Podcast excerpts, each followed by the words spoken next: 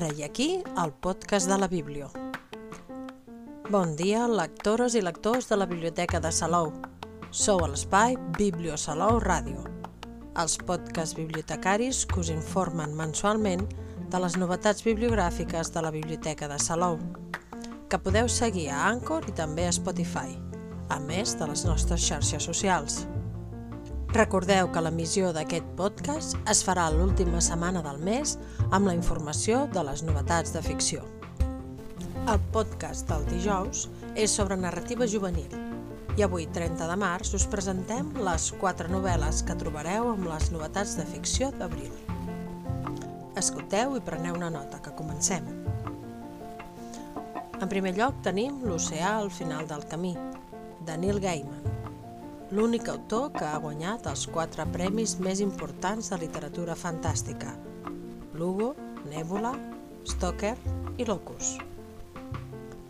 El retorn a la novel·la de Neil Gaiman s'ha fet esperar, així que l'arribada de l'oceà al final del camí ha estat molt celebrat pels seus seguidors i els aficionats a la fantasia en general. A l'oceà al final del camí, la imaginació és el tema principal, com en tota l'obra de l'autor, personificada en un nen de 7 anys que descobreix sense voler-ho el secret sobrenatural d'una família veïna. És una novel·la sobre el record, la màgia i la supervivència, sobre el poder dels contes i la foscor que hi ha dins de cadascú de nosaltres. La història explica el retorn d'un home a la casa on va passar part de la seva infantesa amb motiu d'un funeral. Una vegada allí, és atret, sense ser-ne conscient, cap a l'estany que hi ha darrere l'última casa al final de la carretera. En aquesta casa hi vivia una amiga, la Leti. És contemplant l'aigua de l'estany quan comença a recordar entre boirines el que li va succeir quan tenia 7 anys. En aquella època, els seus pares van decidir llogar una habitació de la seva casa a un home que, dies després, es va suïcidar obrint el camí cap a una cosa fosca. Narrada en primera persona, L'oceà al final del camí és una obra molt peculiar que, com moltes altres de Gaiman, està formada per trossos de llegendes, contes i mites, esbossats i explicats amb la seva ploma. Són molts els detalls que deixa entreveure l'autor al llarg de la narració, però només els lectors més espavilats reconeixeran les referències a algunes criatures i rondalles populars. Una novel·la, en definitiva, recomanada a tots els lectors que vulguin descobrir o tornar a assaborir la cuidada, senzilla i encertada narració d'un dels millors autors de fantasia del moment. Continuen les novetats amb Un far a la fi del món, de Gerard Guix, novel·la guanyadora del Premi Joaquim Ruïra 2022. Un far a la fi del món segueix l'estela de Herstopper. La novel·la ens presenta dos personatges masculins tendres i innocents en el camí del descobriment del primer amor adolescent. Explora amb sensibilitat i humor l'univers de les relacions adolescents, que defuig el dramatisme i aposta pel costumisme i la quotidianitat en el millor sentit de les dues paraules. Un món petit que és alhora universal. És una història que ens parla de l'adolescència, l'edat dels descobriments i de l'angoixa. En Max, el protagonista, ho sap bé això. Amb 14 anys acaba de veure com la seva vida fa un gir inesperat. Al seu pare li han encarregat la reforma d'un far en una illa remota i durant uns mesos tota la família s'instal·larà allà. Ho ha de deixar tot i començar una nova vida que ningú li ha consultat si volia.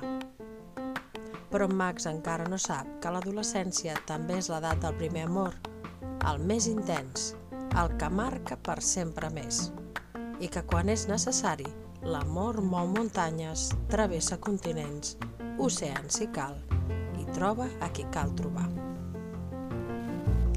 Seguim amb Tres meses, de Joana Marcús, l'esperada tercera part de la saga Meses a tu lado.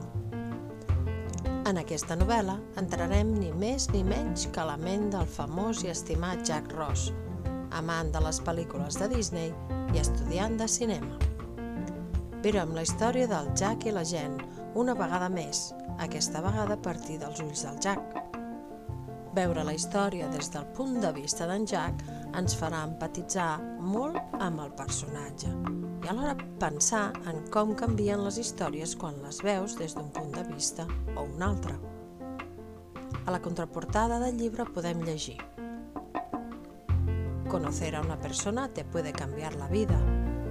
Jack Ross no creía en el compromiso y hasta ahora no le había ido mal.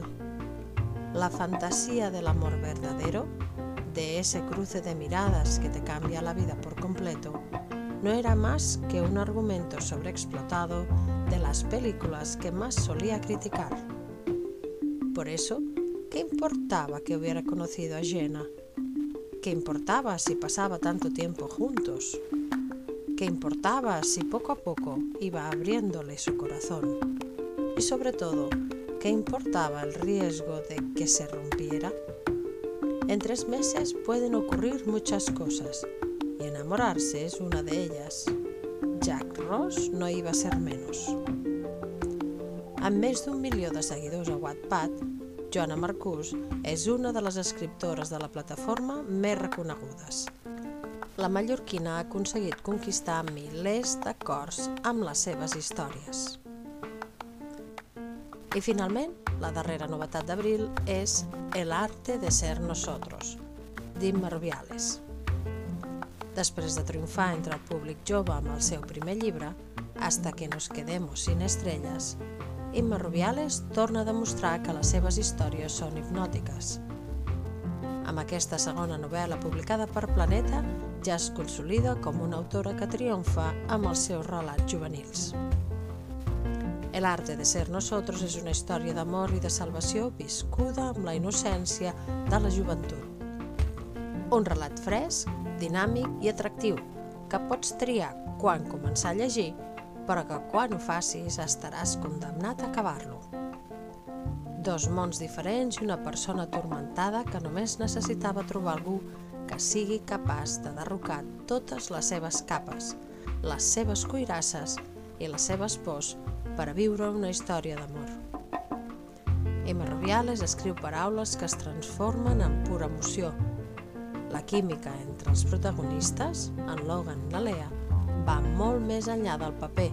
Una vegada que els coneguis, no podràs oblidar-los mai. El arte de ser nosotros ja ha tocat el cor de milers de lectors a la plataforma Wattpad i ara arriba en paper en una edició especial amb capítols inèdits. I fins aquí el podcast d'avui, que ha fet un petit repàs de totes les novetats de narrativa juvenil que estaran disponibles per a vosaltres, lectores i lectors de la Biblioteca de Salou, a partir del dilluns 3 d'abril a la tarda. Que tingueu molt bon dia i molt bones lectures que us acompanyin en el dia a dia.